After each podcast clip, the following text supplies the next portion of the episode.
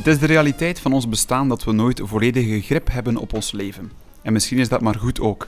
Die onvoorspelbaarheid brengt vreugde, verdriet en werkelijk alles daartussen. Het is een komen en gaan van emoties bij gebeurtenissen die ons overkomen. Gelukkig mogen we ook zelf keuzes maken en zijn er ook nog wat zekerheden die je zelf in de hand hebt. Zoals het beluisteren van Tweespraak trouwens. Je hoort het, het blijft een podcast die het leven viert. TikTok-fenomeen Aaron de Vene is een jonge, ambitieuze acteur die bekend werd als Jesse in Thuis, maar vooral te zien was in de theaters. Hij werkte mee aan de musical Sneeuwwitje en The Sound of Music, iets waarvoor hij ook studeerde aan het Brusselse Conservatorium. Hij gaat vanavond in gesprek met Vincent Komans, fotograaf, voetbalgek, kerstverse papa, maar vooral de man achter het Memento Woordfestival en het project Letterzetter. Vorig jaar bracht hij zelfs een eerste eigen EP uit, waarbij hij ingetogen minimale muziek brengt met veel subtiliteit en passie over hoe hij in het leven staat. De wegen van Aaron en Vincent kruisen als bij toeval vandaag in tweespraak. Dag heren, fijn dat jullie hier zijn. Het begint ondertussen al een klassieke vraag te worden, maar uh, het duo Aaron-Vincent, compleet nieuw of was er ooit al eens een ontmoeting? Uh, compleet nieuw. Ja, compleet nieuw inderdaad. Ja, want op zich, de luisteraars zullen het denk ik ook horen aan het accent. Maar Aaron, je bent van, momenteel woon je in Antwerpen, denk ja, ik? klopt. Ja. Terwijl Vincent we kunnen vinden in... Kortrijk. Kortrijk, ja. voilà, voilà. Lig jouw roots ook in Antwerpen, Aaron? Of, of ben je een ingeweken Antwerpenaar? Ik ben een ingeweken Antwerpenaar, ja. Ik uh, ben opgegroeid in Machelen, bij Zulte. En in Deinzen naar school gegaan en zo. Mm -hmm. Dus uh, mijn roots liggen in Oost-Vlaanderen. Mijn mama die woont al twaalf jaar in West-Vlaanderen, dus het logische gevolg was dat ik ook naar West-Vlaanderen mee verhuisde. Mm. Dus mijn accent is zo een, een combo van Oost-Vlaams met West-Vlaams, om dan vier jaar in Brussel gestudeerd te hebben, om daar dan woorden op te pikken, om dan nu in Antwerpen. Dus mm. ja, het is heel vaag allemaal. Ja, ja. Jij bent een volbloed kort examen, Vincent, of niet? Nee, eigenlijk niet. Uh, ik ben geboren in Yper en dan mm -hmm. uh, naar hier, uh, ja, hier gestudeerd en dan uiteindelijk hier ook blijven, blijven werken en, en blijven wonen ook. Dus ja. Oké, okay, boeiend. En hoe waren de laatste maanden voor jullie? Het zijn nog altijd uh, woelige tijden. Hoe waren de laatste maanden voor jou, Vincent? Voor mij was dat echt um, een gek jaar eigenlijk. Er zijn heel veel uh, leuke dingen gebeurd um, op korte tijd. Um, waaronder ook, ik ben ook recent vader geworden. Dus Proficiat. Dank u. dus ja, het, het zijn woelige, woelige, tijden, maar het zijn ook wel heerlijke tijden om, uh, om in te zetten op dit moment. Ja. Heb je tijd gehad om tot jezelf te komen, om de dingen wat rustiger aan te pakken, of was het toch een constante rush? nee, het was eigenlijk een, een soort van uitdagende tijd of zo. Mm. Uh, ik vond uh, de hele periode van corona, de lockdown en, en alles wat erop volgde, uh, vond ik eigenlijk enorm inspirerend, omdat je constant werd uitgedaagd om, om dingen anders te bekijken en dingen die je als vanzelfsprekend beschouwde, om die eigenlijk um, op een andere manier te gaan invullen. Mm -hmm. Dus dat vond ik wel um, heel fijn aan die periode. Ja. naast het feit dat de wereld ook even tot stilstand kwam. Ja. Wat, wat denk ik ook soms wel wel eens deugd kan doen. Zeker. Absoluut, absoluut. Aaron, uitdagende tijden, was dat ook voor jou het geval? Jij als acteur met nog een aantal zijprojecten natuurlijk. Klopt. Um, ik volg zeker in, in uh, wat Vincent zegt. Nu, ik heb het wel anders ervaren, denk ik. Als in, ik heb het niet van het positieve licht bekeken. Um, of ja, bekeken, ervaren zal ik zeggen. Mijn volledige werkveld viel ineens plat van een volle agenda. Als in letterlijk een dag in de maand vrij soms, naar ineens niks.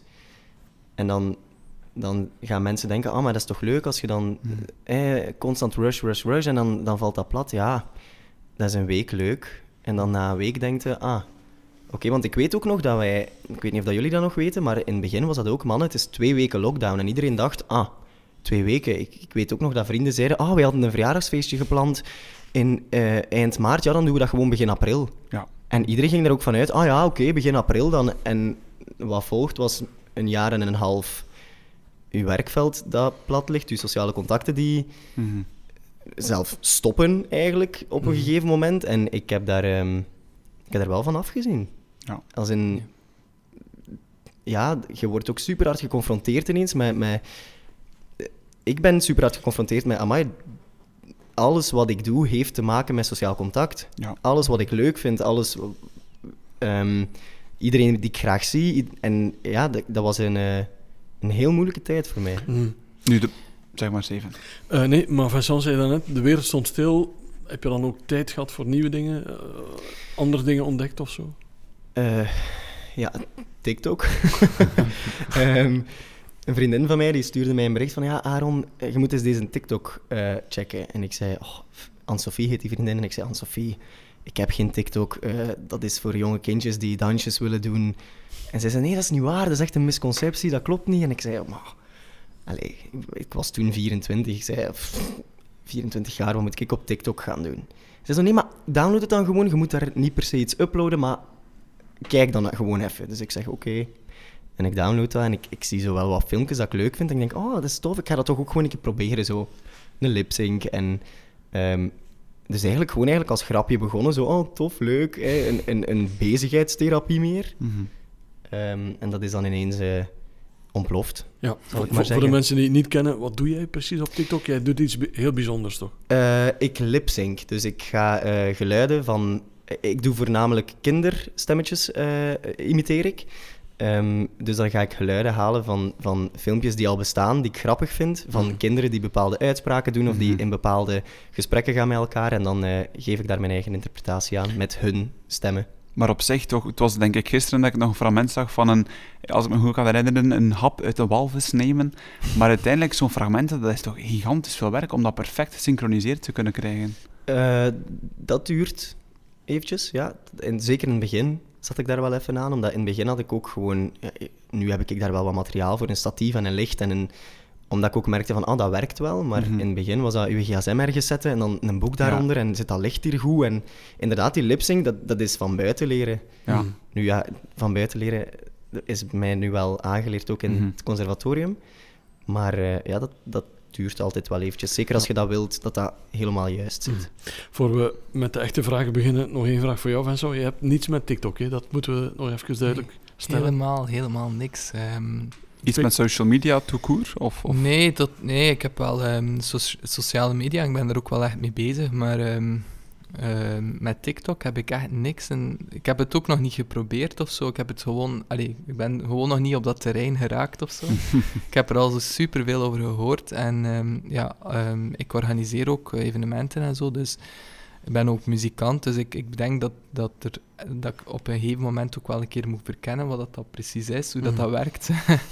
um, omdat er zeker ook wel um, uh, interessante zaken aan zijn, maar op dit moment heb ik het nog niet, nog niet uh, ervaren of zo. Ja, we kunnen jou een inleiding geven na de podcast. Is dat een goed idee? zeker en vast, zeker en vast. Goed, okay. naar de traditie hebben we de vragen doorgestuurd. De mensen thuis, die weten dat. Uh, waren het voor jullie verrassende vragen of waren dat vrij evidente vragen, Aaron? Ik vond ze... Uh, ja, ik vond ze wel leuk eigenlijk. Dat zijn zo niet de evidente vragen die je normaal krijgt. En dat zijn vragen waar je even over moet nadenken. Dus dat vind ik, dat vind ik daar wel leuk aan. Ja, ik vond ze ook heel tof eigenlijk, ja. Um, ja, ik ben eigenlijk benieuwd naar de antwoorden van Aaron. ja, maar dat is insgelijks hoor. Niet naar mijn eigen antwoorden, maar naar degene van, uh, van Vincent.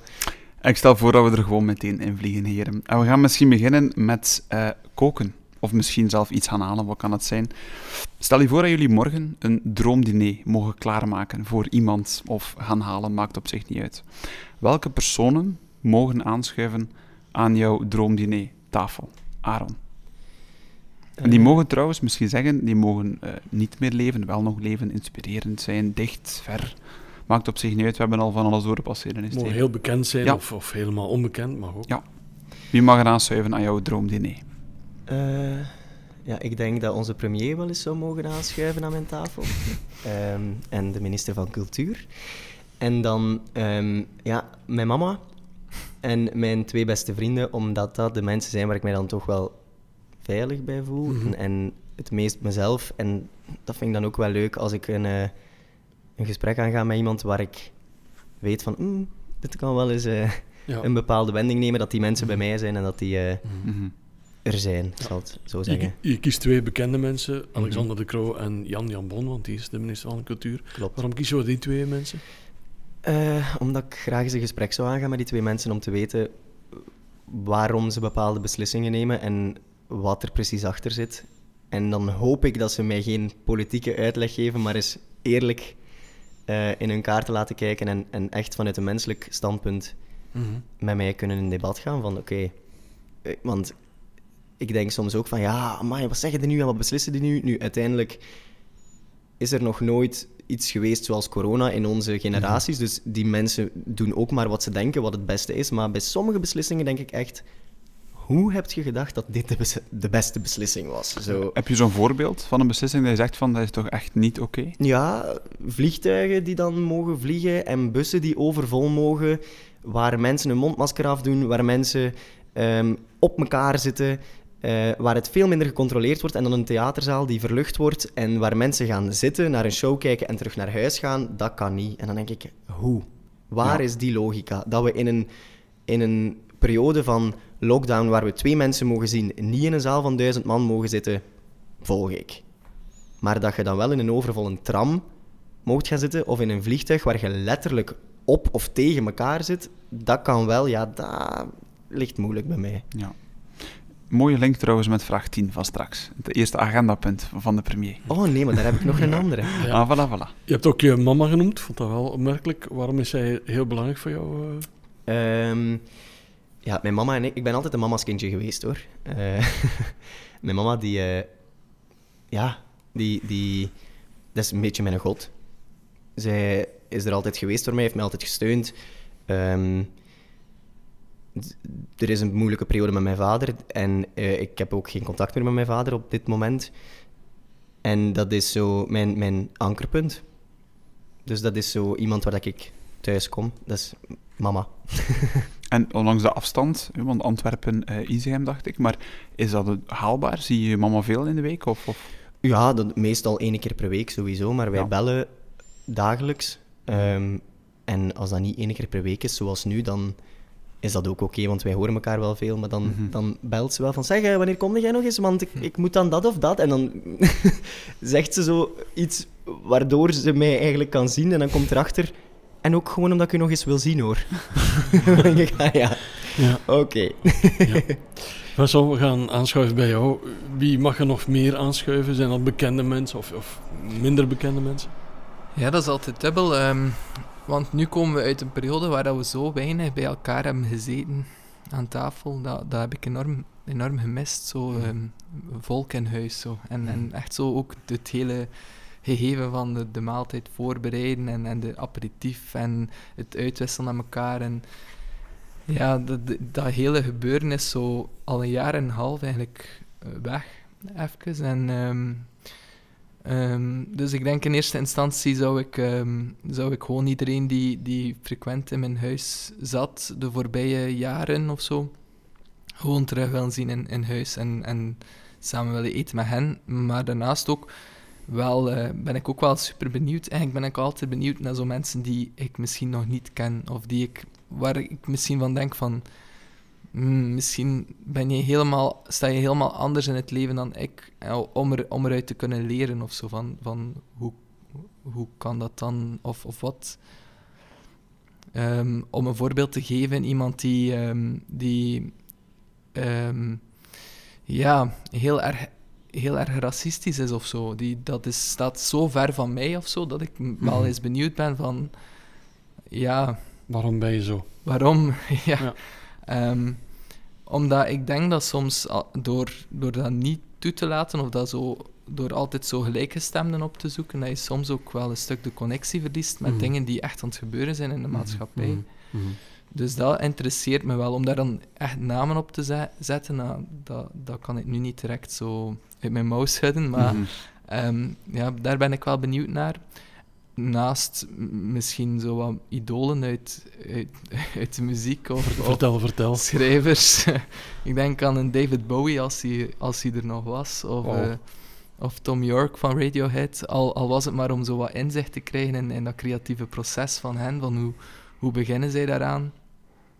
Misschien zelfs dat er na het eten of het dineren dan mhm. wordt samengespeeld of zo. een jam. Een, een jam EP. of zo. ja, wie weet, of maken we, maken we ter plekke een EP. Mhm. ja. ja. Je maakt me extra benieuwd, Vincent, maar uh, wat maak je klaar op zo'n uh, droomdiner? Um, niet te moeilijk of zo. Een spaghetti of zo. Omdat ik, ik denk dat iedereen ook anders spaghetti maakt. Ja, met andere ingrediënten of zo. Spaghetti met David Bowie. Ja. Dan moet je, ja. Aaron, sta jij vaak achter, eh, achter eh, de, in de keuken liever? Eh, ja, maar dat is dan vooral om een bord te nemen of zo. Dus dat is niet, niet per se om te koken, nee.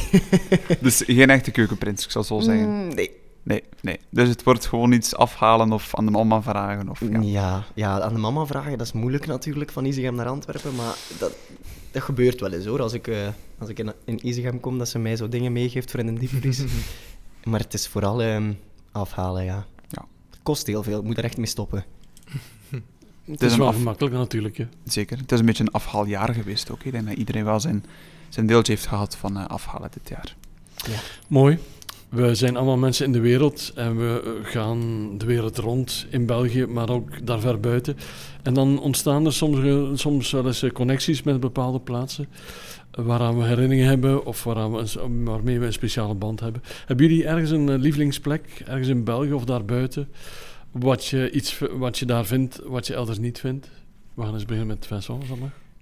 Ik heb niet echt een lievelingsplek, maar wel zo.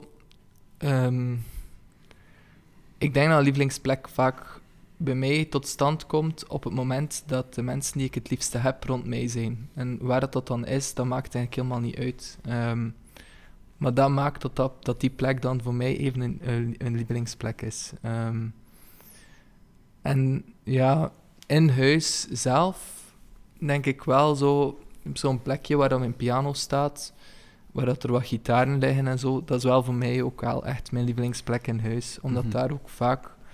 Vaak is dat zo dat ik op een onbewaakt moment daar ga gaan zitten en, en wat begin te componeren en te doen. Mhm. En voor ik het weet ben ik zo drie, vier uur verder en denk ik, oké, dat was dan mijn, mijn, mijn dag of, of Mhm. de helft van mijn dag of zo. Ja. En dat, ja, daar kan ik wel even ontsnappen zo van alles, ja. Een soort mancave met instrumenten, zoiets. Ja, maar het is ook echt niet eh, in een, in een mancave... Allee, het is niet wat je zou veronderstellen van een mancave, dat het zo in een donker hoekje helemaal bovenaan of onderaan in je huis zit. Het zit echt wel pal in de, in de leefruimte eigenlijk. Dus, eh, Mhm. het is zelfs letterlijk in een sas, dus mensen passeren er ook achterloos eigenlijk door mijn favoriete plek. Fantastisch. ja. En heb je ook iets met, met Kortrijk, met Ieper, met je roots? Of, of zijn dat steden als een ander? Ehm, eigenlijk niet. Ik heb wel... eh, Aaron woont in Antwerpen en ik hou wel enorm van Antwerpen. hè. Op alle vlakken is dat een stad waar ik mezelf ook wel zou zien wonen. Ehm, ik hou enorm van verschillende plaatsen, het meest van het zuid en, en, en ook zo de Kloosterstraat en zo. En, en ja, daar, daar ben ik echt geraakt, daar kan ik me echt supergoed voelen. En, en heel vaak is dat ook de eerste plek waar ik naartoe ga als ik zo wat minder goed in mijn vel zit. Of als ik zo het gevoel heb van, oh, Kortrijk is te klein aan het worden of Yper is, is te klein geworden, dan denk ik, ja, dan ga ik gewoon naar Antwerpen. Eh, dus ja, ik heb wel iets met Antwerpen eigenlijk. Allee, kijk, fantastisch. Aaron, heb Ja. jij zo'n eh, favoriete plek dat je zegt van daar kan je me altijd eh, tot rust komen, kan je me altijd vinden of daar ben je gewoon graag? Ja, ik heb eigenlijk een beetje hetzelfde antwoord als Vincent. Dus dat, ja, ik heb, dat, ik heb ook niet per se een plek of zo, maar dat is dan inderdaad bij mij dan eh, de mensen die ik het liefste ziet. Dat is, dat is mijn beste vriend en eh, mijn beste vriendin. En mijn mama dan, dat zijn echt zo de drie mensen in mijn leven die, die, ehm, waar dat ik heel rustig word. Ik ben iemand die heel vaak piekert en die heel vaak daar, daarop kan doorgaan en, en beginnen overdenken. En bij die mensen wordt dat rustig of zo. Eh, bij mijn mama iets minder, omdat mama dan zo soms, zonder dat ze het bedoelt, kan die soms zo nog wat olie op het vuur gooien. Ik denk, mama, dit helpt echt niet. Ik ga laat echt gerust. niet rustig worden hierdoor. En dan zegt die, die kan zo soms zeggen, ja, maar en heb je hier al aan ge... Ja, nee, maar nu dus wel. Ehm, terwijl mijn beste vriend, die, die zal dan helpen om alles te relativeren en zeggen van, kijk, komt wel goed. En, en ehm, ja, ik zeg, dat zijn ook mensen en dan is dat bij mij ook de plek waar die mensen zijn.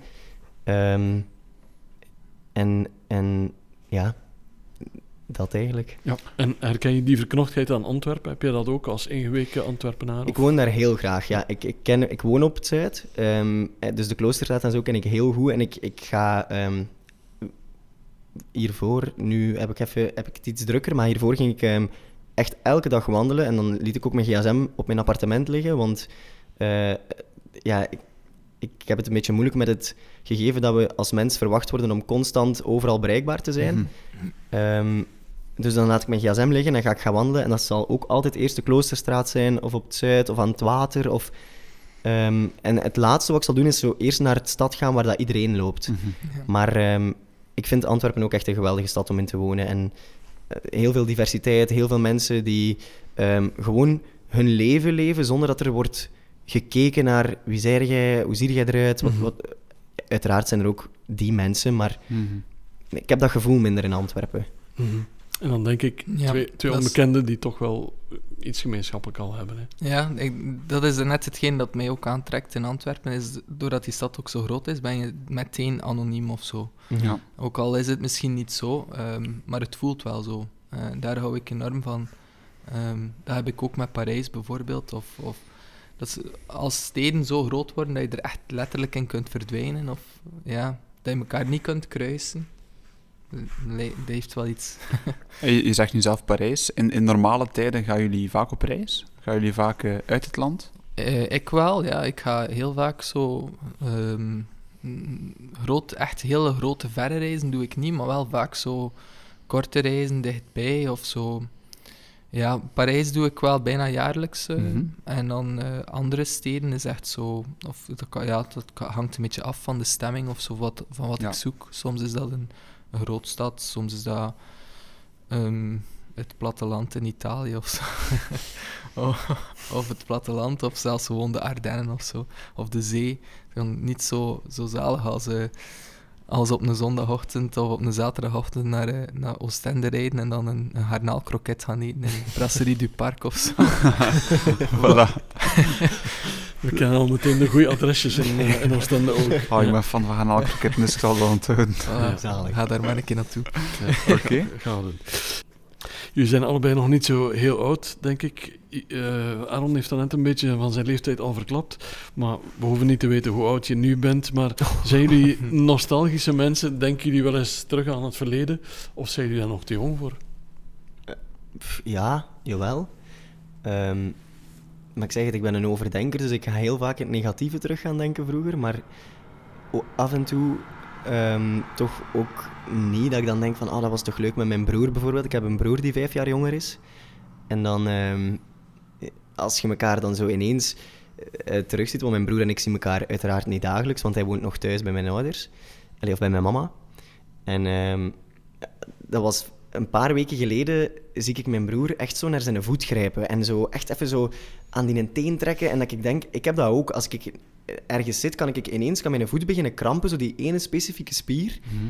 En mijn vrienden zeggen ook van, "Huh, ik heb echt nog nooit gehad dat mijn voet daar krampt. En dan komt het thuis. En dan ziet je broer dat doen en denkt, ah ja, dat, vroeger was dat ook. Wij, dat was iets van ons twee. Dat, wij hebben alle twee die ene spier in onze voet die krampt. En dat zijn zo wel leuke dingen. Of, of als je... Ik heb dat bijvoorbeeld heel fel bij, bij als, ik, als het regent in de zomer en je ruikt het asfalt. Mhm. Dat katapulteert mij echt terug naar Aaron, die vijf jaar is en die bij zijn buurmeisje Lien gaat gaan spelen, die met de tuinslang aan het spelen is. En dat je dat water ruikt op dat nat asfalt. Dat heeft een bepaalde term ook. Ik heb dat van de week gehoord op de radio, maar ik kan er nu echt niet op komen. Maar dat heeft een Is term. dat? Ja, die geur heeft ja, een naam. Ja, Petrichor, denk Petrichor. ik. Ja, ja. Dat was het. Ja. Petrichor Oh, oh. is de geur van asfalt bij als het warm is geweest en regen die op de asfalt. Dat is fantastisch. Ik ben verslaafd Mhm. aan. Ja, ik vind ja, Petrichor. Het katapulteert mij recht terug naar, eh, naar mijn kindertijd, dus ik vind dat heel fijn. Super. Ja. Heb je ook van die geuren en kleuren die jou doen ja, eh, zeker. terugdenken? Eh, geuren, kleuren, dat brengt mij altijd terug wel naar het verleden. Zo, het de geur van vers gemaaid gras is ook zo eentje. Dat is zalig. Ehm, die mij direct zo ja, naar het voetbalterrein brengt of zo. Ehm, maar daarnaast, ja, eh, de koers heb ik het ook wel. Ehm, ik keek vroeger heel vaak met mijn grootmoeder naar de koers. Mijn, mijn grootmoeder was wel heel belangrijk voor mij. En heel vaak gebeurt het nog als ik zo ja, in huis loop en de koers staat op of zo, dat, ik- dat ik daar terug aan denk. Ehm, ja, dat is gek, hè. Nostalgie, dat is zo... Voor mij is dat like, geconnecteerd met iets dat onherroepelijk niet meer kan of zo. Mhm. Terwijl dat, dat bij anderen vaak, wat jij nu vertelt met je, met je broer, dat is iets dat je wel nog, nog altijd deelt of zo met Ja. hem op dit moment. En ik Mhm. heb vaak een nostalgisch gevoel bij dingen waarvan ik weet van dit komt niet meer terug. Uh, mensen die ik verloren ben of, of dingen die ik gedeeld heb met mensen die er niet meer zijn. Heb je dat vaak ook met muziek bijvoorbeeld? Bepaalde fragmenten die je terugkatapulteren naar, naar toen? Of minder? Um, ja, zeker ook. Muziek is daar ook wel een in. Ja, voor mij staan bepaalde muziekstukken zijn ook wel geconnecteerd met, met mensen die er niet meer zijn of, of met um, gebeurtenissen die, mm -hmm. die gebeurd zijn. Um, ja. Ja, met muziek heb ik het ook wel. Het is precies alsof dat, dat er bij elke fase in mijn leven wel ergens toch wel een nummer is die, die heel specifiek dat punt in mijn leven of wie ik toen was markeert ja. of zo. Ja, mooi wat dat muziek kan doen, sowieso. Op dat vlak naar auditieve herkenning toe. Heb je dat veel? Dat je terugkeert in de tijd? Um, ja, ik, ik, herken wel wat Aaron zegt over het overdenken en ik heb dat zeker ook. En ook vaak in het negatieve. Dus ja, ik heb het, ik heb het wel veel, ja. Mhm. Mm -hmm. um, maar ik heb er nu ook wel ik heb nu ook wel geleerd om, om als dat gebeurt, dat dat ook niet meer, niet meer te lang blijft hangen Mhm. of zo. Als dat iets is Ja. dat ik niet zo fijn vond of zo. Ja. Ja, Want dat doet me een beetje denken aan piekeren. Is dat het juiste werkwoord? piekeren, ja, overdenken, Mhm. ja, analyseren heel vaak ook. eh, Ja. situaties, gebeurtenissen, eh, dingen die mij getekend hebben of Ja. waarom dat, dat mij precies getekend heeft. Ik had het onlangs toen ik, ehm, toen ik een, een, een jeugdboek herlas van mij en dat ik dacht van... Zo, mijn favoriete boek was zo Het Ei van Oom Trotter van Maarten Bel. En eh, zo in de, in de, in de Die lockdown... heeft er ook al in de podcast gezeten trouwens. Ja, ah ja, kijk, voilà. Ja. Dacht ah ja, juist, ik had het gezien. Ja, ja. Is even zo het ei? ja. Oh, Mark de Oom Bel. Trotter. Ja. Ehm, ja, ik had het onlangs herlezen, ook zo echt kort voor of na de lockdown. En toen ik het nu herlas, zo denk, ja, wat zal dat zijn, ergens twintig jaar later of zo, Mhm. wist ik van, oké, ja, nu weet ik waarom dat, dat mijn favoriete boek was. En het heeft heel vaak te maken met wie je toen was en wat je toen zocht. En Ja. Dus ja, het is ook altijd de moeite om een keer te doen, voor wie houdt van eh, piekeren en Voilà. overdenken. Van, eh lap dat er nog een keer bij ook. Fantastisch. Super. Ik onthoud vooral dat de intro van Dag Sinterklaas me nog altijd terugbrengt naar de tijd van toen. Goed, we gaan... We hebben teruggekeken, we gaan een klein beetje vooruitkijken, eh, heren. We gaan onszelf doorspoelen naar het jaar 2030. Ehm wat zeg ik? Nee, ik ben niet totaal aan het missen. 2026, Pieter Jan. Oh, man, ik, is- ik dacht dat we 2025. Goed bezig. Nee, maar laat dat er maar in, dat is leuk. Dat is origineel. We gaan doorspoelen vijf jaar verder. Waar zie jij jezelf, Vincent, binnen vijf jaar? Ehm, ik zou eigenlijk al heel blij zijn als ik gewoon. ehm, eh, ik vind het echt heel moeilijk om te ver vooruit te kijken of zo. Allee, ik weet niet wat ik wil binnen, binnen vijf jaar. Ik weet ook niet hoe hard dat de maatschappij veranderd zal zijn binnen vijf jaar.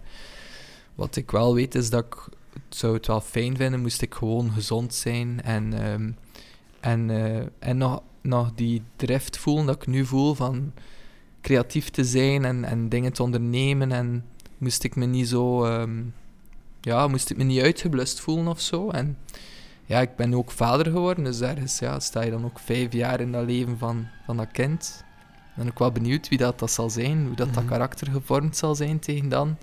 Ehm, dus ja, Oké, dus geen echt doel-doel, maar gewoon meer wie, wie ben je tegen dan? In de zin van hoe ben je zelf Ja. gevormd en ja. eerder eh, met, met eh, nieuwsgierigheid van hoe, hoe, wie ik zal zijn binnen vijf jaar. Mag ik dan eruit veronderstellen dat je voornamelijk dag per dag leeft? Dat je niet zo hard bezig bent met de toekomst of hoe dat het er later zal uitzien? Ik ben er wel mee bezig en ik kan er ook ongerust over zijn. Als Ja. ik eh, bepaalde tendensen zie in de maatschappij of als er eh, bepaalde gebeurtenissen zijn, zoals nu de, de pandemie of bepaalde problemen rond klimaat en zo. Ik kan er wel echt mee ongerust over zijn, maar voor mij persoonlijk ehm, probeer ik echt niet te hard vooruit te denken of niet, hard, niet te hard een doel, mijzelf een doel te stellen, maar, Mhm. maar meer zo eh, meer zo te denken in, in richtingen. Van Mhm. ja, nu wil ik dat dit wat meer in die richting gaat of zo. Mhm. En, en dat is dan een beetje variërend volgens wat ik dan aan het doen ben. Ja. Nu ben ik heel veel bezig met literatuur en met programmatie van literatuur en met auteurs ontmoeten en, en auteurs lezen en zo. En ja, dat, dat wil ik nog wel een tijdje doen. Of ik dat de rest van mijn leven wil doen, dat weet ik niet. Maar Mhm. op dit moment wel. Dus ik heb dan wel een richting. Hetzelfde met Ja. muziek. En nu, ik hou van muziek maken, dus ik nu ben ik muziek aan het maken en ik hoop dat ik dat binnen vijf jaar nog doe. Maar als dat niet zo is en als dat iets anders is, is dat ook goed. Ja, in het SAS, in huis. Ja. Oké. Aaron, Aaron. je hebt op vandaag, geen probleem Steven, je hebt op vandaag 37.000 volgers op TikTok. Ik heb het net nog een keer opgezocht. Dat. Heb je er binnen vijf jaar vijf keer zoveel? Of is dat niet Oef. het doel binnen vijf jaar? Nee, helemaal niet. Ehm, nee, ik denk als dat uw doel is, dat je een heel eenzaam en eh, triestig leven tegemoet gaat. Ehm, ik maak vooral filmpjes op TikTok omdat ik dat nu leuk vind. En Mhm. omdat ik ehm, zelf tof vind wat ik maak. En als binnen vijf jaar mensen dat nog altijd leuk vinden, is dat fijn voor hun. Vinden mensen dat niet meer leuk? Ja, dan eh, is dat ook zo. Maar als ik dat dan, dan nog leuk vind, dan ga ik dat zeker blijven doen. Nu, binnen vijf jaar ben ik ook 30, dus mm, weet ik niet of ik dat dan nog aan, ga doen zijn op zo'n TikTok-platform of zo. Maar Mhm. ik, ik, ik vind dat ook een heel moeilijke vraag hoor. Mhm. Omdat, ehm, ja, zoals dat Vincent zegt, ik ben ook iemand die zo. Ik, ik probeer heel hard van dag tot dag te leven. Dat lukt niet goed, want ik ben ook iemand die mij heel veel zorgen kan maken over. Oh, en eh, wat gaat er nog komen? En, en ehm, komt het allemaal wel goed? De dingen waar ik nu mee zit. Zo. Maar aan de andere kant ben ik ook nieuwsgierig van. Ah, waar zou ik staan binnen vijf jaar? En, Mhm. en eh, wat ga ik aan het doen zijn? Met wie ga ik aan het omgaan zijn? Ehm, ik hoop dat dat nog steeds de mensen zijn die nu dicht bij mij staan en die ik het liefste zie. Dat die binnen vijf jaar nog steeds ehm, zo dicht bij mij zijn. Mhm. Ja, het, het woordje zorgen is al een paar keer gevallen. We kunnen het ook omdraaien natuurlijk. We kunnen zeggen dromen. Dat Mhm. klinkt een beetje positiever. Heb jij als acteur, zeg maar, eh, bepaalde dromen, ambities, dingen die je echt wel wil realiseren ooit? Eh, zeker. Ik, ik zou heel graag nog film doen. Dat is iets wat ik nog, tot op heden nog niet heb gedaan. Eh, of langspeelfilm heb ik nog niet gedaan. Ehm, dat is iets wat mij, wat mij echt wel ehm, heel hard aanspreekt. Dus dat zou ik heel graag nog doen. En voor de rest theater, musical, ehm, tv. Ik, vind het allemaal heel leuk. Ik heb er vier jaar voor gestudeerd. En, en ehm, ik zeg al, sinds ik vijf jaar ben, als ze mij vragen wat wil je later worden, dan zei ik altijd toneeltjes spelen. Dus acteur, maar ja, als vijfjarige weet je niet wat dat is, een acteur. Ehm, en, en zolang dat mij dat blij maakt en dat ik daar voldoening uit haal, dan hoop ik dat ik dat mag blijven doen. Ja, ik heb niet echt een rol of zo die ik zou willen spelen, maar, Mhm. maar als het mij uitdaagt en als ik dat met leuke mensen mag doen, vind ik dat heel fijn. Mijn favoriete acteur, Aaron, op vandaag. Dat je zegt, vandaar kijk ik echt... Of actrice uiteraard ook. Dat je zegt, vandaar kijk ik eh, naar op. Eh, ik heb... Ja, ik heb niet per se, per se specifiek één iemand. Ehm, ik, Benedict Cumberbatch vind ik een heel goede acteur. Kan ik echt eh, geïntrigeerd naar kijken. Zal ik ook bij zijn films altijd de behind the scenes kijken, hoe dat die zich voorbereidt en, Ja. en wat hij doet. Voor de mensen die hem niet kennen, wa- wa- waarvan moeten we hem eh, kennen? Ja, Benedict Cumberbatch speelt in heel veel films. Die zal heel veel ehm fantasyfilms spelen ook. De- ja, er is ene film die ik mij nu voor de ogen haal, maar ik weet de titel niet meer. Doctor Strange? Of nee? Nee, ja, daar speelt hij uiteraard ook in mee. Daar is hij heel goed in. Maar er is ene film waar hij een, een bepaald personage speelt, een soort slang. Maar, en ik weet, mensen gaan nu zeggen, gast, dat is die film. Maar ik kan er niet op komen. Ik ben ook grote fan. Dat is mijn nummer één acteur, maar ik weet nu ook niet direct welke dat is. Ja, het, het is heel... En hij is zo... In de behind the scenes is hij volledig volgeplakt met zo allemaal... Ja. ehm, ehm, ja, de plakkers met draadjes. En, en omdat die, die slang moet zijn gezichtsuitdrukking krijgen. En hij is dan in de studio volledig green key.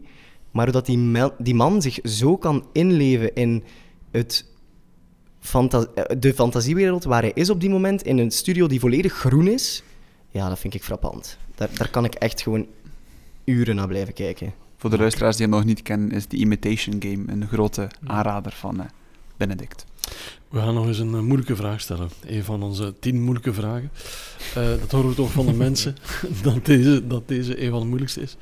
Eh, want als we kijken in de spiegel, ja, dan zien we toch vaak de negatieve of de minder fijne dingen aan onszelf. Maar zijn er ook dingen die je bewondert aan jezelf, waarop ben je ergens fier of trots? Of misschien is dat niet het juiste woord. Vincent? Ja, dat is een moeilijke, hè. Dat is eh, stoeven met jezelf. Voor één keer mag het. Ja, ik denk dat ik, ik probeer en ik hoop dat mensen mij zien als iemand die genereus is of zo. Ik denk dat is wel iets waar ik heel aandachtig voor ben, van in alles zo genereus te zijn. Van, van eh, als ik in gesprek ben met mensen, van, van hen te wijzen op, op hun talenten of wat, wat ik heel leuk vind aan hen om dat ook meteen uit te spreken, om dat niet zo te doen. Je hebt heel veel mensen die, dan, die dat niet uitspreken en dan, dan spijt hebben dat ze dat te weinig hebben gedaan of zo. Dat probeer ik consequent wel te doen. Ehm, en die generositeit zit ook wel in dat ik ook zo niet snel. ehm, ja, ik ben, ja, ben niet zo'n gierigaard of zo. Of, of zo iemand die. Ik ga, ik ga vrij vlot ook ja, mensen iets geven of trakteren met Mhm. iets. Of, of ehm, ja, ja, ja, hen op een of andere manier. ehm, ik, ik heb het gevoel dat ik wel attent ben of zo. Ehm, Mhm. In die dingen. Dus ehm, Een vrij hevige Vincent. ja, ik denk dat dat wel eh, bij me past, ja. Mooi. Vind vind je dan een eigenschap die je vaak mist in anderen? Ehm, ja, omdat voor mij. ehm, we zijn allemaal. Deze maatschappij is nogal individualistisch aan het worden. En ehm, iedereen heeft zo zijn eigen parcours en zijn eigen eh, plek of zijn eigen ja, grond. En ehm, ik denk misschien dat dat ook komt door, door de lockdown hoor, maar we zijn zo soms in onszelf verkeerd en bezig met ons eigen leven en ons eigen doel en ons eigen, eh, onze eigen verwachtingen en wat dat we Mhm. zelf allemaal willen doen, dat we soms vergeten dat er ook een ander is. Mhm. Ehm, en die verbinding, ehm, dat ontstaat vaak door vrijgevig te zijn, Mhm. door, ehm, door genereus te zijn, door eh je open te stellen. En ja, ik mis dat wel meer en meer eigenlijk. Ja. Omdat, ja, als je genereus bent, gaat dat altijd ten koste van iets dat je waarschijnlijk zelf had willen. Of allee, dat, dat houdt ook in dat je Mhm. iemand anders iets gunt of zo. Ja. Mhm. En het is makkelijker dan je denkt. Ja. Ja. Ho- hoe bedoel je?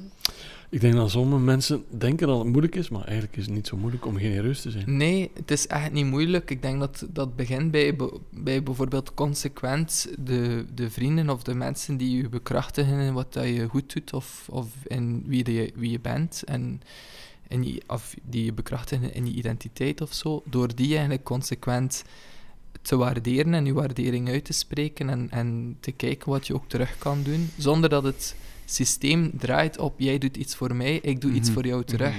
Ja. Het gaat echt puur over, ja, op dit moment kan ik dit voor jou doen en doe ik het gewoon. Ik, ik denk er gewoon zelfs niet over Mhm. na. Ik hoor je zeggen onder woorden brengen. Ben je dan iemand die makkelijk complimenten geeft aan anderen? Ehm, nu beter dan vroeger. Ja. Eh, ik denk dat ik vroeger ook nogal vrij star in mijn eigen wereld zat. Ik denk dat dat misschien ook wel een beetje paste bij, bij wie ik toen was. En dat het leven mij gewoon geleerd heeft van, van dat een beetje los te laten en mij ook te richten tot anderen. Heel knap wat je vertelt over generositeit. Eh, we gaan eens naar Aaron. Wat bewonder jij het meest aan jezelf? Ik denk mijn doorzettingsvermogen. Dat is iets waar ik wel, eh, wel best trots op ben. Als ik mijn tanden ergens inzet, dan, eh, dan laat ik niet meer los. Dan is het echt gewoon, dit wil ik en hier ga ik voor. En hoe onrealistisch het ook mag lijken, voor andere mensen dan, als ik het voor mijn ogen zie en ik, ik zie het gebeuren, dan, dan ga ik er ook alles aan doen dat het gaat gebeuren. En ik vind dat best een mooie eigenschap. Je bent niet iemand die snel opgeeft. Nee, nee, helemaal niet. En als ik het dan toch doe, dan, dan baal ik daar echt enorm van. Dan, dan is het omdat het... Ja, of omdat het niet kan, of omdat... Of, ja, er is altijd wel een reden voor dan, maar de reden zal nooit zijn, ik heb geen zin meer. Of zo, of... Hmm. of, of Maar je zei daarnet, je bent iemand die alles heel goed doordenkt of soms wat Mhm. overdenkt. Is dat dan nu ook niet moeilijk, dat je zaken dat je vaak wil doorzetten, maar dat je voelt dat er heel veel zaken op je pad komen die misschien die zaken vertragen, tegenhouden, tegenwerken? Hoe ga je daarmee om? ja. Eh, ik ben even aan een voorbeeld aan het denken, maar ik kan niet direct op iets komen. Maar ik snap wat je bedoelt. Ik, denk... Ik bedoel eerder als, eh, je gaat, je gaat recht naar een doel, ben je dan iemand die echt zegt van ik moet doorzetten, ik ga gewoon recht naar dat doel, want als ik het zo hoor bij iemand die wel ook rekening houdt met de zijwegen van ja, maar ja, dat kan mislopen of dat kan mislopen of misschien Ja. gebeurt dat wel, is dat dan niet lastig om daar dan constant mee bezig te zijn. Ja, jawel. Eh, Ja, dat is, dat, is, eh, dat is de moeilijkheid inderdaad erin. Dat, dat je ook de negatieve dingen ziet en het vaak nog negatiever maakt dan ze zijn, omdat je dan doemscenario's in je hoofd begint te krijgen. En dan is het soms wel moeilijk om te denken van, kom aan, hup, dat is uw doel en gaat ervoor. Maar ehm, ja, tot hiertoe denk ik dat dat wel, wel heel vaak gelukt is. Af en toe ook niet hoor. Mhm. Ehm, en, en af en toe laat ik mij ook gewoon meeslepen door dat zijspoor en, en ga ik daar Ja. veel te veel in op. Maar ik probeer dat wel echt, om, om daar niet te veel naar te luisteren en niet Ja. te veel te, naar dat Oh. negatieve te gaan. Ik probeer echt zo positief mogelijk te zijn. Mhm. Maar het is soms, soms een beetje moeilijk. Ja, niet te veel te overdenken. Dat is Ja. ook eh, belangrijk. dat is een heel mooie term voor, dat is eh, paralysis by analysis. Verlamming door Ja, te overdenken. Voilà, yes. Bij deze. Pieter Jan, je goochelt met moeilijke woorden vanavond. Dat is wel mooi. Ja, we hebben een mooi. eh, woordenkunstenaar ook onder ons, dus we moeten een beetje ja, alles hoog houden en stevig. Je hebt dat voorbereid. Is waar. Oké, we gaan een andere vraag stellen die eh, eigenlijk ook wel tot de verbeelding spreekt, omdat ehm, je vaak eh, belangrijke quotes ziet hangen bij mensen in de huiskamer of eh, in klaslokalen of in vergaderzalen. Quotes die mensen inspireren, quotes die eh, zelf iets doen. Zijn er bepaalde uitspraken eh, van iemand, een quote, een woord, een zin, waarvan je zegt van die zou ik echt wel willen delen met onze luisteraars van, eh, van Tweespraak? Vincent, jij bent de man van de woorden. Ja, ehm, ik denk dat de belangrijkste is voor mij gekomen ehm, in de nasleep van Black Lives Matter. Ehm, was, er, eh, was er zo, eh, zag je ook heel veel van die stories en, en manifestaties of, of stories over manifestaties. En, ehm, en de- een van de belangrijkste die ik daaruit gehaald heb eh, is educate yourself. Ehm, en sinds ik die gehoord heb, pas ik die eigenlijk toe op, op heel veel verschillende zaken. Dus niet enkel zaken die, die gerelateerd zijn aan Black Lives Matter, maar, maar het is heel moeilijk geworden op dit moment om, ehm, om te weten wat. Je kijkt altijd naar iets met een bepaalde blik en die blik wordt meestal al voor jou gevormd, nog voor je er goed en wel vat op hebt of zo. En het is met die extra sociale media ja, component zo moeilijk geworden om eigenlijk ehm, de, de feiten of zo, om, om, om, ja, eh, om fake news te onderscheiden van wat er echt aan het gebeuren is. Mhm. En ehm, het vraagt eigenlijk meer en meer een inspanning om, om jezelf echt goed in te lezen in zaken, om, om ehm, geïnformeerd te blijven, om, ehm, ja, om, om grip te krijgen op wat er aan het gebeuren is. Je kan natuurlijk doen zoals Aaron, gsm eventjes aan de kant en zelf je beeld van de werkelijkheid vormen. Ja, en dat is dan natuurlijk het beeld dat je graag voor u houdt, omdat je daar heel graag en heel hard in gelooft. Maar dat is niet noodzakelijk het, wat er is of zo. Hè. Ehm, eh, allee, dat is een beetje. ehm, hoe- hoe zeg je dat? Sommige mensen zeggen zo: ignorance is bliss. Of, hey, het is soms heerlijk om even te doen alsof, alsof er niets aan het gebeuren is of zo. Maar dan steek je eigenlijk ook een beetje kop in het zand. Hè, want er, er zijn heel veel mensen die die aan het lijden zijn door zaken die, die aan het gebeuren zijn. En Mhm. eigenlijk stop je u er zelf van weg. Ja. En dat is net het, het omgekeerde van wat we moeten doen, denk ik. We moeten kijken naar de zaken en kijken hoe ze gegroeid zijn, wat dat Mhm. er aan het gebeuren is. En, ehm, ja, en, en mensen echt informeren over wat er aan de hand is. Je quote was eh, educate yourself. Je bent nu papa geworden van een kleintje. Een klein mensje dat je nu zelf mag educaten, als het ware. Heb jij daar een beeld voor ogen wat jij die jongen of dat meisje, ik weet het niet, wil meegeven? Het is een meisje, ze heet Irene. En ehm, Irene. Ik denk, ehm, het, het voornaamste is dat ik veel dingen nog wil openlaten of zo voor haar. Ehm, en ik weet dat dat heel moeilijk is, want er is heel veel druk en, en de maatschappij eh, ja, gaat zo, evolueert ook zo snel. ehm, maar het zijn ook waarschijnlijk wel weer kleine dingen dat je kunt doen of zo. Hè. Zoals het, eh, als je een pop heeft, ehm, niet enkel witte poppen geven bijvoorbeeld. Om maar een stom idee te geven, of een stom, stom voorbeeld te geven, want er zijn er eh, zeker twintig of dertig of zo. Maar ja, ehm, ik ben er wel meer mee bezig, sinds er is, ben ik wel meer bezig met de toekomst en, het, en wat er morgen kan gebeuren of zo. Ja. Eh, voor, voor mij was dat altijd zo. Nee, ik, ik ben nu inderdaad dag per dag aan het leven. En, en voor mijzelf op een bepaalde manier is dat zo, als het gaat over wat ik persoonlijk wil doen of wil, wil betekenen voor mensen. Maar nu ben ik wel ook meer bezig met hoe dat de maatschappij aan het evolueren is, omdat dat de wereld is waar mijn dochter in gaat opgroeien. Ja. ja. Dat is wel een extra dimensie. Oké.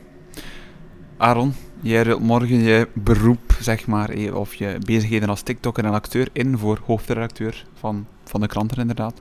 Welke quote zou jij bijvoorbeeld drukken op een voorpagina, of welke boodschap geef jij mee aan eh, je volgers, zeg maar? Eh, eh, ik had eigenlijk vooral één voor mezelf. Even Maar- goed, even maar goed. Doe dat maar. kan ook wel op, op de volgers die, die ik heb, dat kan daar ook wel op, op eh, van toepassing zijn. Ik vind de quote, cross the bridge when we get there, eh, op mijn leven heel toepasselijk, maar dat kan ook voor andere mensen heel toepasselijk zijn. Mhm. Eh, misschien bij Vincent ook over dat overdenken en zo. Ehm, omdat ik heb ooit eens gelezen iemand die zei. Maar waarom zou je er u nu al zorgen om maken als het nog niet gebeurd is? Want dan gaat het er u eigenlijk twee keer druk in maken. En dat was zo een die wel even binnenkwam, want ik dacht: oh, ja, dat is waar. Want dat, ik ben mij nu al druk aan het maken en 9 van de 10 keer zijn de scenario's die ik mij inbeeld, worden die geen werkelijkheid. Maar stel dat ze dan toch eh, jammer genoeg werkelijkheid zouden worden, dan moeten we er nog een keer door. Hm. Dus dan is dat eigenlijk waar van, kijk, leef dag per dag en, en, en letterlijk cross the bridge when we get there. En ik denk dat dat ook iets is waardoor dat ik, ehm, zoals Steven daarnet zei, eh, mijn gsm heel vaak gewoon wegleg of, of mijn internet uitzet. Of mijn gsm staat bijvoorbeeld eh, standaard op niet storen. Hm. Dus eh, omdat ik zoiets heb van, ik ga beslissen wanneer ik kijk en wanneer ik wil dat iemand mij kan bereiken. En de belangrijke mensen in mijn leven, die staan in mijn favorieten, dus die komen door. Maar ehm, voor de rest, dan, dan kom je eerst op mijn voicemail. En als, als je mij dan echt nodig hebt en je belt nog eens, dan zul je wel doorkomen. Omdat ik- social media is een heel goed platform om ehm goede dingen te bereiken, maar het geeft ook heel veel angst en eh, onzekerheid. En het is zeker niet allemaal positief daarop. En ik denk dat het ook belangrijk is dat we daar niet aan eh, verslaafd geraken. Dat, dat je ook echt zonde... Want ik merkte ook, voordat ik dat deed, je kunt niet meer Mhm. op restaurant zitten met iemand en die persoon gaat naar het toilet. Je ziet niemand meer gewoon rond zich kijken. Iedereen grijpt naar die gsm. Gaat even checken, wat gebeurt er? En dat is iets wat mij de laatste... ehm, niet jaren, maar het laatste jaar heel veel bij mezelf is opgevallen dat ik dacht, maar vroeger deed je dat niet. Vroeger als kind, dan ging je gewoon even zitten wachten en je Mhm, keek ja. en wie is er hier allemaal? En ja, dat is iets wat ik, wat ik wel belangrijk vind en dat heeft er bij mij wel mee te maken dat ik denk, denk niet te veel vooruit. Blijf gewoon hier en zie maar wat er op je pad komt, maar denk er niet te veel over na. Mhm. En los de problemen op als ze zich stellen. Als ze zich voordoen, inderdaad. Ja, dat, pas op. ik ben het aan het proberen. Hè. Nee, maar je zegt een quote voor jezelf, maar ik vind dat een heel toepasselijke quote. absoluut. Het is iets dat iedereen zou moeten onthouden. Eigenlijk is de quote: leer weer wachten. ja, ja, eigenlijk wel. Of, of verveeld u. Verveel u nog eens. Ja. Doe, doe dat nog Maar eens. we hebben dat nu wel echt gedaan, natuurlijk. Ja, het afgelopen jaar denk ik dat iedereen zich wel eens heeft verveeld, meerdere malen. Dat kan wel eens leuk zijn, maar niet te veel. Nee, nee. misschien waren we dat ook wel een beetje verleerd van ons te vervelen. Dat is waar. In een constante Ja. rush. Mhm. Vergeten van even eh, stil te staan. Maar misschien, als ik eraan mag toe- toevoegen, want ik kom hier nu misschien wel over als een vrij ernstige mens of zo. Ehm, maar soms denk ik ook, we zouden ergens ook moeten pamfletten uithangen of zo, van leer ook weer wat meer plezier te hebben in dingen of zo. Ehm, of, of, of bouw wat speelsheid in of zo. Ja, ja. Kies voor kousen met een print of, eh, of, of, ehm, of, of bedenk een alternatief voor voetbal, maar toch volgens dezelfde principes met... Weet ik veel, maar ik, ik vind dat we som- soms zo wel weer wat meer creatiever mogen zijn of Mhm. zo. En, en, Mhm. en ik denk dat verveling wel daartoe leidt. Als je Ja. verveelt, dan denk je, ja, hoe kan ik dat hier leuk maken? Of hoe kan ik dat hier Maar- meer Ik plezant vind, vind dat een maken? verrassende uitspraak, omdat jij natuurlijk een heel grote voetballiefhebber bent. Jouw Twitter-account staat vol Ja. Eh, en toch zeg je, we moeten daar een beetje van, van, van afgeraken. Ja, eigenlijk wel. Eigenlijk tijdens die voetbalmatchen ben ik ook bezig met die gsm en die Twitter en dan... Maar dan denk ik, oh jongens, nu, ben ik alweer, nu heb ik alweer een doelpunt gemist of zo. Want ik zat op, op dat stomme scherm en dan moet je die samenvatten, dan is het toch niet hetzelfde. En ja, het is waar, het is zo verleidelijk. Het zit in je handen en, en het, het, het beweegt en het heeft meldingen. En misschien Mhm. is dat de reden dat ik ook nog niet op TikTok zit, omdat ik denk, Voilà. gewoon nog een social media platform dat je moet bekijken en refreshen. Mhm. Maar onlangs las ik daar wel iets heel interessants over. Er was een account dat ik volgde op Instagram, dat doet social media dan ook weer. Die zei van, er waren heel veel mensen die eh, na de lockdown het gevoel hadden dat ze het internet hadden uitgespeeld. Dat ze Mhm. Netflix hadden uitgekeken, dat ze eigenlijk ja, klaar waren met het internet. Eh, omdat je op een bepaald moment op een punt komt dat die feed, die feed is, zij gaan het refreshen en plots refresht dat niet meer, omdat er ook gewoon, je hebt alles al gezien. En dat er heel veel mensen op dat moment ehm, terug hebben gegrepen naar boeken. Eh, omdat Mhm. die verhalen die in die boeken staan, die zijn afgerond. En ehm, ja, dat heeft een begin, een einde, dat heeft personages, maar er, komt, er wordt niets toegevoegd. Het is Mhm. gewoon zoals het gemaakt is en klaar is.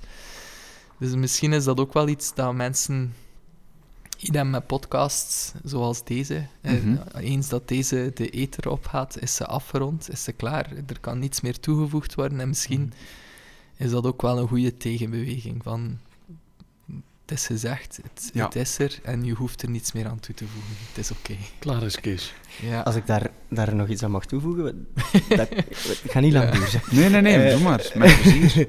Ehm, wij gaan nu bijvoorbeeld eh, in oktober spelen wij de musical Robin Hood en ik. Ehm, en dat verhaal, ver- verhaal. Kijk, dat is dus het, ding West-Vlaanderen, Oost-Vlaanderen in mij die naar boven komt. Het verhaal ehm, gaat over eh, een meisje die aan tafel zit met haar ouders. En die ouders die zitten eigenlijk de hele tijd op social media. En dat meisje heeft zoiets van, allee, geef mij ook eens aandacht. En ehm, er is niks te doen, dus dat meisje gaat naar school en ze komt toe en ja, er is geen school, dus ze moet naar de bibliotheek, want dat is het enige wat open is op die dag. En ehm, ze neemt een boek en het verhaal gaat... hij- Verhaal. Dat is niet erg, zo de discussie van goed, Het- eh, zo goed en goed. Goed, heel Goed. goed. Eh, het verhaal gaat dus eigenlijk over, over het ding van leg je gsm weg en lees wat meer. Ga terug, ga weer meer in het moment. Ga dingen gaan, gaan ontdekken terug. Ehm, en ja, ik probeer niet te veel te verklappen, want ik zou hier al heel, de hele samenvatting geven. Maar ehm, het is eigenlijk een beetje wat Vincent zegt, hè, dat terug dat, dat eh, legt die gsm weg, want voordat je het weet heb je iets gemist. Ja. Eh, en dan is dat bij die ouders gewoon het opgroeien van een dochter in, de- in dat verhaal. Mhm. Dus eh, ja. Een beetje back Mooi. to basics teruggaan. Hè. Eh, Ja. Teruggrijpen naar het boek bijvoorbeeld. Dat is wel een mooi voorbeeld. Ja, omdat het ook natuurlijk je verbeelding activeert. Hè. Ehm, en ehm, dan merk ik soms, ehm, je hebt wel van die hypes of zo, dat ja, iedereen loopt daarin mee of zo. En, en het is Mhm. ook zo gemakkelijk om erin mee te lopen. Maar ik hou er wel van dat, dat een boek jou, jou echt jouw verbeelding en jouw fantasie activeert. Ehm, want dat is wel uniek. En dat is enkel jij kan dat verzinnen of, of bedenken. Dus Want op zich zijn de mensen er toch veel mee bezig met die schermtijd. En Mhm. uiteindelijk, de, de grote bedrijven doen er ook, allee, proberen er toch ook enerzijds iets aan te doen, maar het dan ook niet te onaantrekkelijk te maken. ja. Want digital detox bijvoorbeeld is wel iets eh, dat opkomt. Zou je zelf kunnen zeggen, bijvoorbeeld een, een volledige week? Ik gebruik een volledige week niets, niets online, gewoon mezelf, rugzak en... Ik denk dat iedereen op een bepaald moment al eens heeft gedacht: ik ruil mijn smartphone in voor een brak Nokia 3310 gsm'ke. Ehm, dat je trouwens nog altijd kunt kopen als er mensen dat willen doen.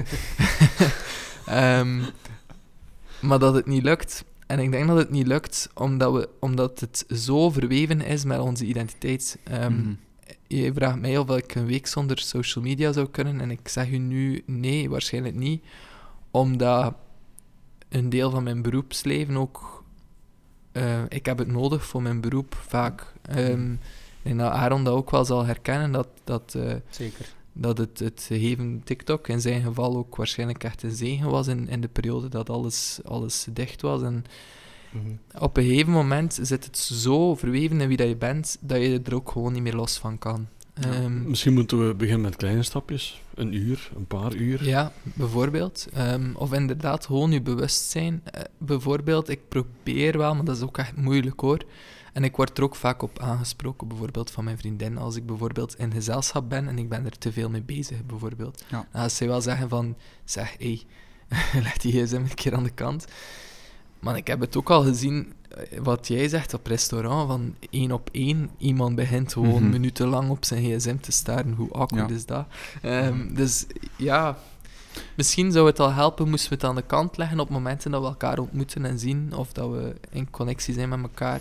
Het was iets dat ik trouwens van, van de week zag op een evenement. Dat was een stolp. We zijn toch reclame aan het maken, zoals voor de garnaalkroketten. Het was een stolp, het heet letterlijk een stolp.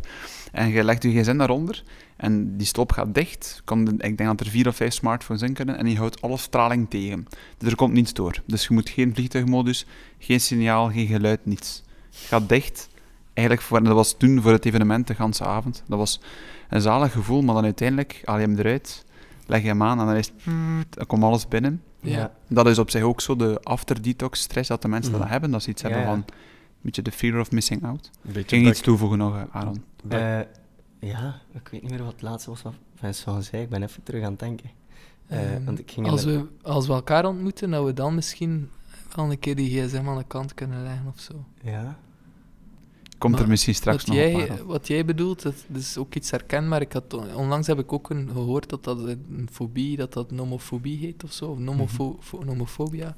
FOMO, De angst om niet Ja. bereikbaar te zijn. Mhm, ja. Daar heb ik echt heel vaak last van. Mhm. Van eh, als mijn gsm of mijn smartphone uitvalt, ehm, ja, dan voel ik het mij echt verloren. Dan denk ik, wow, wat als iemand mij nu nodig heeft, Ja. of wat als er een probleem is thuis, of wat als...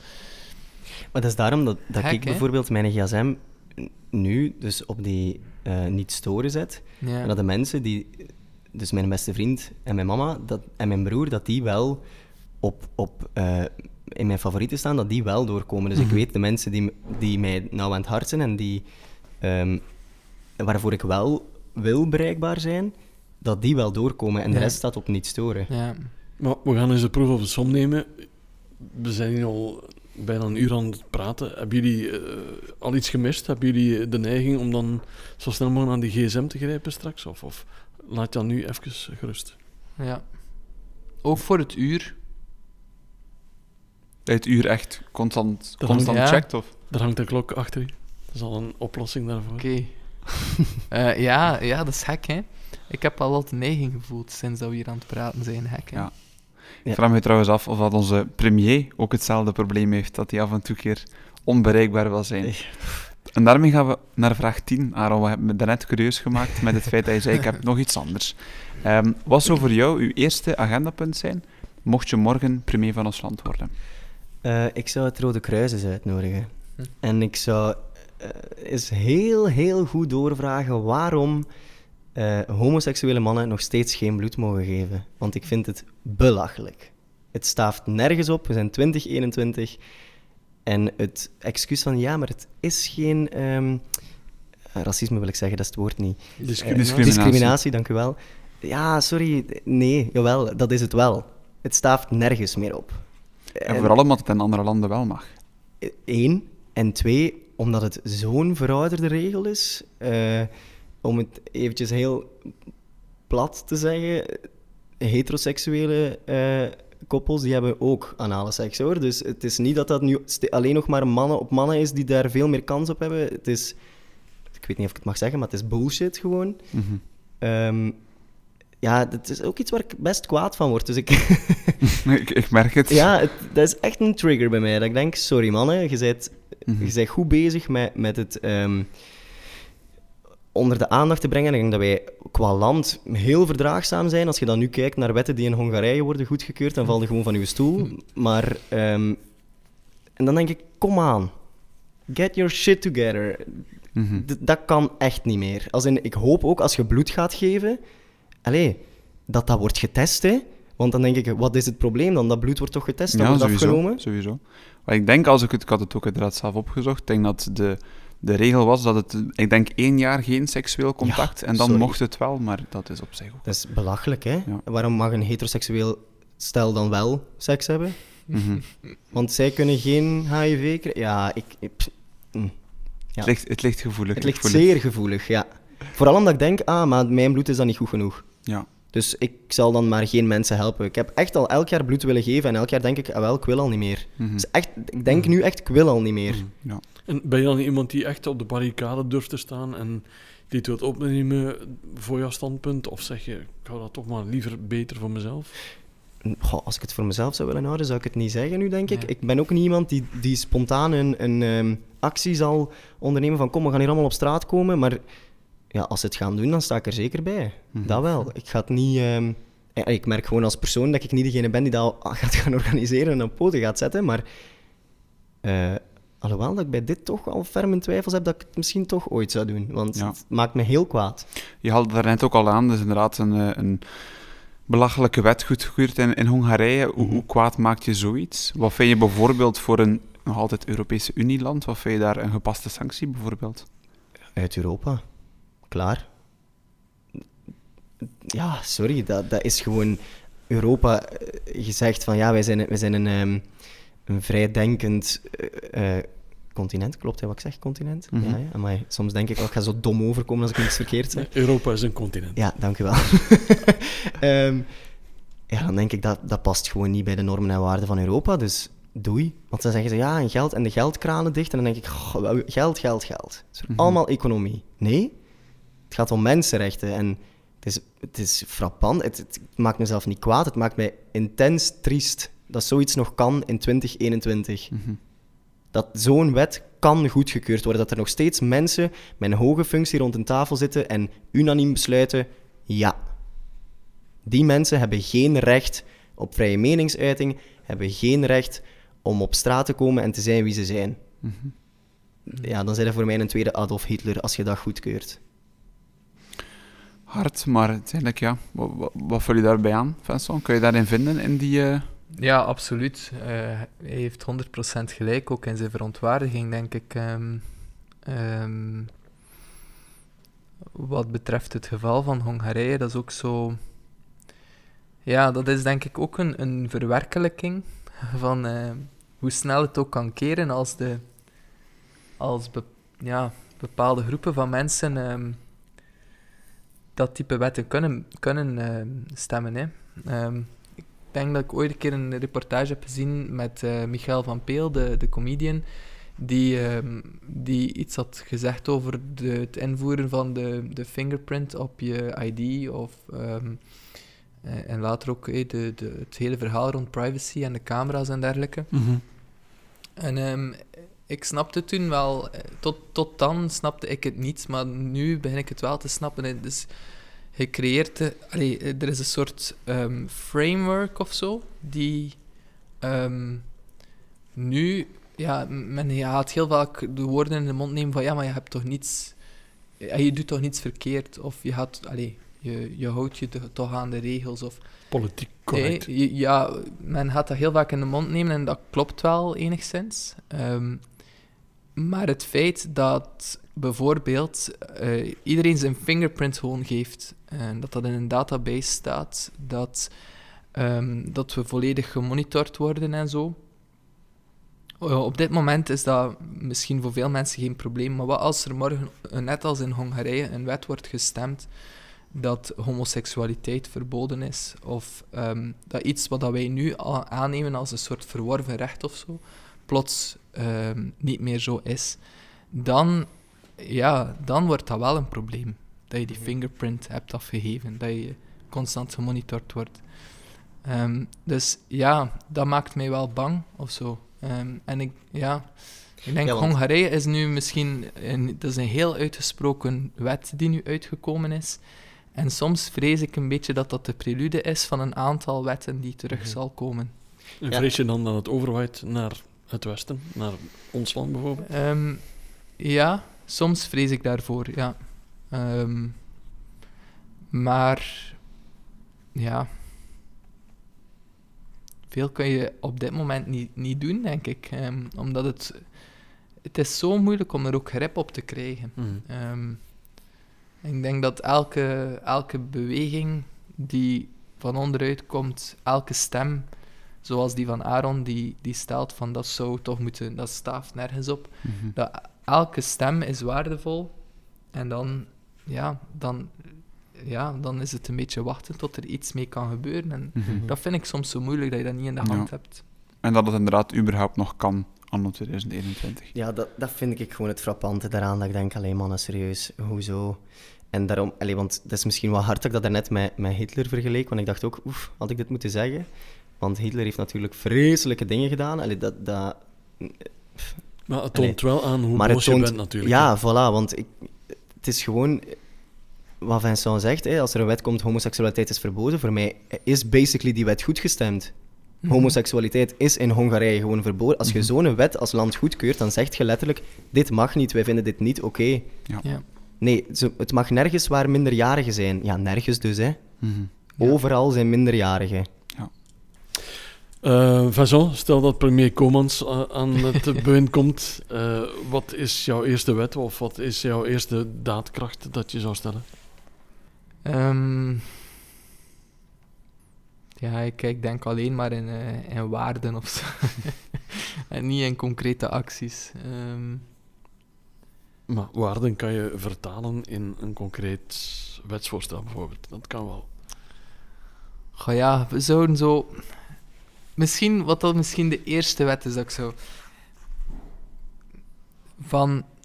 Allee, ga een keer van het padje. Zo. dat je minimum, dat je een soort van... Hebt een soort... ehm allee, natuurlijk binnen de mate van wat Wettelijk mogelijk is. wettelijk mogelijk is. Ehm, maar ik heb zo het gevoel van, eigenlijk zouden we allemaal zo één eh, joker mogen, allee, meer, hè, maar minimum één keer zo'n joker mogen hebben van, we weten dat het eigenlijk niet mag, maar doe het toch maar, want het is oké. En ik denk dat dat, ja, dat dat ook een stuk komt door sociale media en door, door het feit dat je altijd het gevoel hebt van, ik word hier bekeken of ik word hier in de gaten gehouden.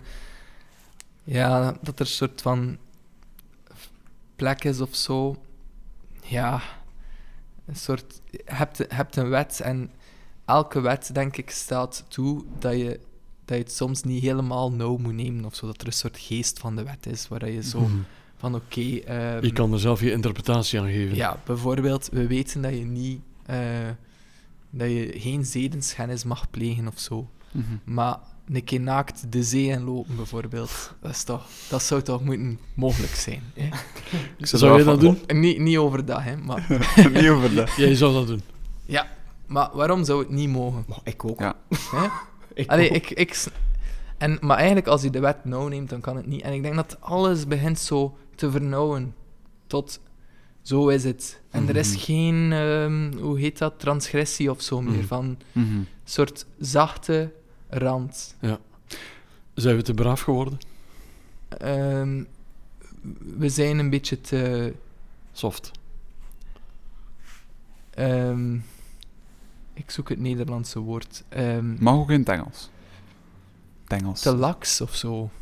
Te laks. Zo van, goh. We zijn te gehoorzaam aan de Ja, ja, dat is het, ja. Ik zou het wel fantastisch vinden trouwens. De nieuwe premier, zijn eerste zin. Hanneke van het padje. Ja, wees niet zo gehoorzaam. Loop de zee in. Want ik heb hem net gekozen trouwens. Elke keer als we onze podcast voorstellen, zetten we op Instagram een story en val- een eh, quote liever. Die van deze keer wordt Hanneke van het padje.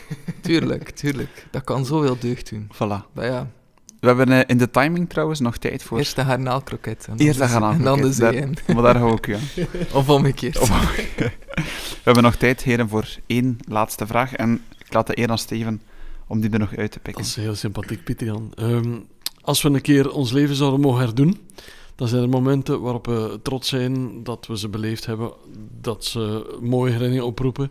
Stel dat jij iets zou mogen herdoen, wat je al hebt beleefd, welk moment eh, zou dat dan kunnen zijn? Eh, stel dat je iets opnieuw zou mogen doen.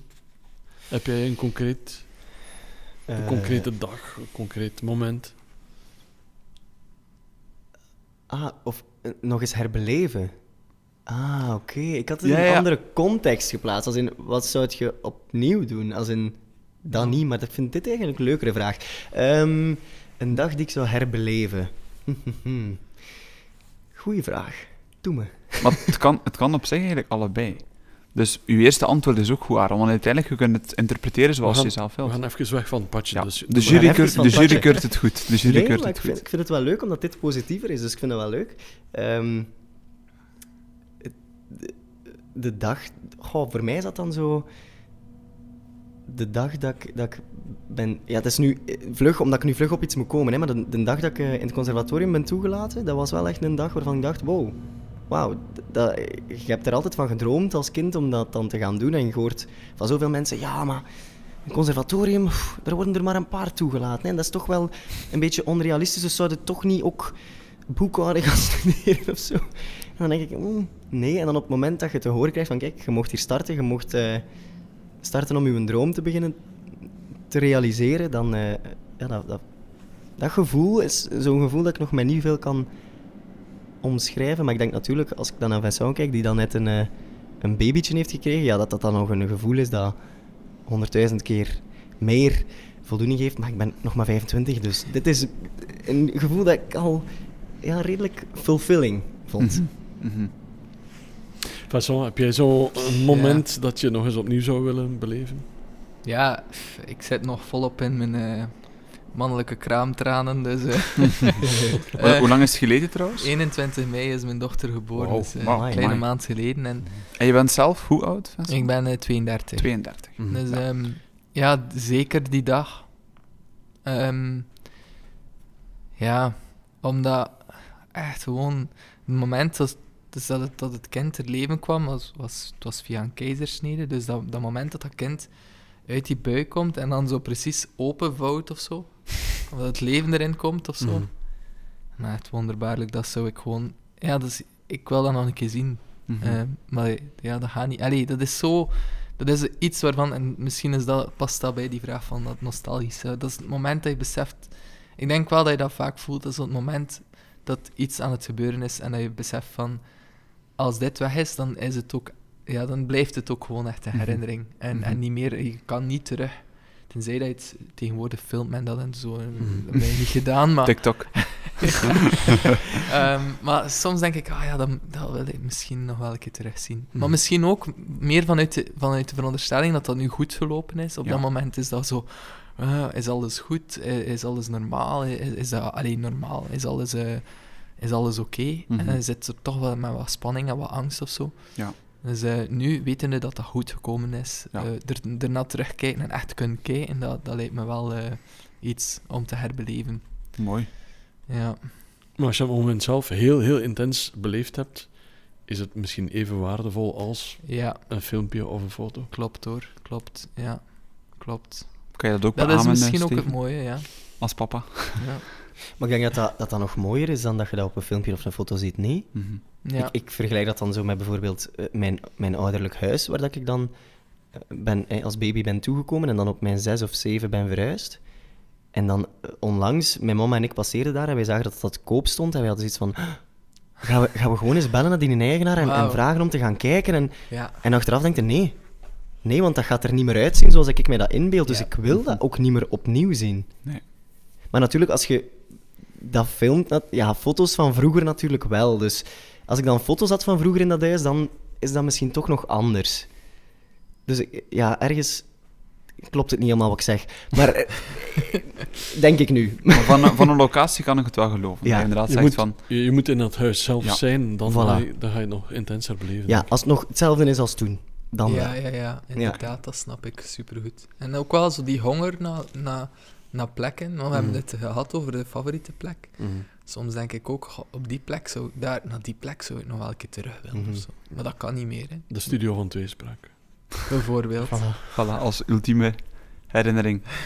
en daarmee, heren, gaan we ook deze podcast in alle mooie schoonheid afsluiten. Ik wil jullie alvast hartelijk bedanken voor het gesprek. We zijn in een uur en een kwart samen op reis geweest, doorheen eh, bijna tien, dat wil zeggen een achttal eh, vragen. Is totaal niet erg, is ook leuk aan het gesprek. Ik wil jullie bedanken voor jullie aandacht. Was het leuk? Was het een leuke ervaring om aan een eh, podcast deel te nemen? Hoe, hoe, hoe kijk je terug? Ja. Ik vond het super fijn. Ik, vond, ik vind het altijd heel fijn om zo met nieuwe mensen een gesprek aan te gaan met, met vragen die niet vanzelfsprekend zijn. Mhm. Eh, Ja, ik vind dat leuk dan, dan dat je zo de standaardvraag krijgt. eh, en wat is je lievelingskleur? En, en waar ben je door gedreven? Zo, Ja. dat je zo vragen krijgt van, ja, wat zou jij als eerste op tafel smijten als je premier bent? Of, ja, dat vind ik, vind ik tof. Ja, ik heb dat ook. Maar het is de combinatie. Enerzijds van... Ja, ik denk dat het nog een keer het bewijs is van... Ja, durf ook maar een keer serieus te praten met iemand. Ja. Zo, Mhm. soms, soms doen we dat niet, omdat dat zo niet Mhm, gehoord is nee. of zo. kan soms interessant zijn. En het omgekeerde ook. Ik heb zo vrienden die zo vaak zo dingen gaan vragen nu, zo van, hey, wat, is uw, wat is uw favoriet gerecht? Of wat is uw... En dan denk ik altijd van, of wat is uw favoriete snoep? Ja. Eh, eh, dat is ook iets dat ik soms meeneem. Ik, ik heb nu zo de, de, de gewoonte om aan iedereen te vragen wat, welk nummer zou je zingen in The Voice. Ik heb het gisteren gevraagd aan Romelu Lukaku, hij heeft geantwoord. Zalig. Amai, dat, hij niet, eh, dat hij niet zingt of niet kan zingen. Eh, maar eh, maar zo, dat soort vragen ook zo, Amai. dat kan wel echt helpen om, eh, om Ja. mensen te leren kennen. Ja. Romelu Lukaku staat ook nog op onze lijst, denk ik zeker. Je hebt, er- je hebt gewoon zijn nummer om eh, dat... eh, Nee, nee, ik, het was op Twitter. Ah, voilà. hij deed een Q&A met de fans en ik heb Amai. van de gelegenheid gebruik gemaakt om, Mhm. mijn, eh, om de vraag die ik aan iedereen stel, wat nummer zou je zingen in The Voice, mhm. af te vuren. En wat was, zijn, wat geantwoord was zijn antwoord? Dat hij niet kan zingen. Ah, mo. Dus ik ga er nu extra op letten zondag, als hij Voilà. de, de Brabantsonne zingt. Spannend. We gaan toch nog een beetje reclame maken, als dat mag, voor projecten waarmee jullie bezig zijn. Aaron, je hebt al gezegd, Robin Hood komt eraan. Ja, Wanneer ehm, kunnen de mensen gaan, gaan kijken? Eh, de mensen kunnen komen kijken naar Robin Hood vanaf oktober. Mhm. En dan daarna eh The Sound of Music. En dan komen er nog wel eh, eh, wat leuke projecten aan. Dus, dus, eh, maar eerst Robin Hood en The Sound of Music. Fantastisch. Oké, Vincent, Memento Woordfestival 2021. Ja, dat is een beetje een vraagteken hoe dat, dat zal lopen. Hè? Want eh, zoals je misschien gehoord hebt, komt de boekenbeurs naar Kortrijk. Ja, Ze goed dat nieuws. supergoed Antwerpen. nieuws. Mhm. Antwerpen is boos. Ik heb het gelezen. Ja, Antwerpen is boos. Ehm, dus ik, ik ben benieuwd wat dat zal betekenen voor Memento. Dus ik durf nog geen voorspellingen te doen. Eh, Ja. sowieso komt er een nieuwe editie. Mhm. Ehm, en voor mijzelf, eh, ik ben bezig aan een plaat die ik hopelijk eh, ergens volgend jaar, ehm een eerste volplaat, die Top, ik hopelijk amai. volgend jaar ergens kan eh, publiceren of publishen bij een label. Spannend. Dus Heren, alleszins super bedankt. Steven, ook opnieuw. Episode 31, dat beginnen al te tellen. Hè. Ja, je wordt oud, eh, Pieter Jan. dankjewel trouwens. Dankjewel ook Aaron. Dankjewel Vincent. En dankjewel luisteraar. Zeker. En ik, hou vooral, en ik onthoud vooral liever Hanneke van Patje. Dank u wel. En de volgende. Tot weespraak. Salutjes. joe. Tada.